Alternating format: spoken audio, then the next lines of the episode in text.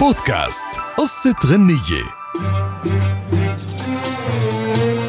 قصة أغنية لليوم واحدة من روائع كوكب الشرق السيدة أم كلثوم ومن ألحان بليغ حمدي ألف ليلة وليلة. وقت اللي أحضر الكاتب مرسي جميل عزيز كلمات أغنية ألف ليلة وليلة لتقراها الست اللي بدورة أعجبت فيها كتير ووقع اختيارها على الملحن الشاب بليغ حمدي ليقوم بتلحينها. سلمت كوكب الشرق الكلمات وبدأت بتوصية بليغ الأغنية دي عايزاها تكسر الدنيا وعارفة إنك مش هتخيب ظني. فطلب بليغ إنه تعطيه وقت ليكون اللحن بالمستوى المطلوب وقال له ما تحاولوش تدوروا عليا. لما أخلص اللحن هاجي أسمعه لك ست الكل. واختفى بليغ ثلاث أسابيع وما حدا عارف عنه شيء أبدا. وبدأت أم كلثوم بالقلق عليه والسؤال عنه واضطرت للاستعانة بمعارفها للبحث عنه. وبعد فترة عثروا عليه بشاليه. فتوجهت أم كلثوم على الفور متسائلة باستغراب وقت اللي قابلته وقالت له أنت فين ده كله؟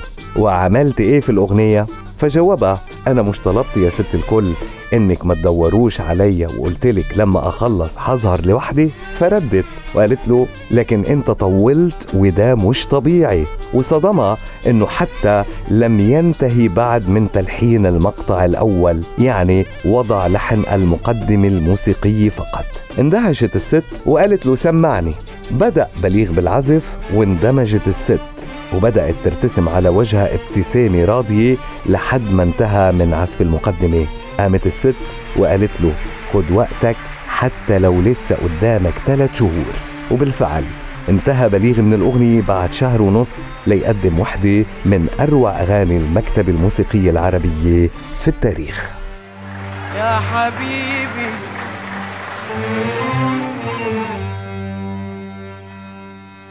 يا حبيبي. يا حبيبي.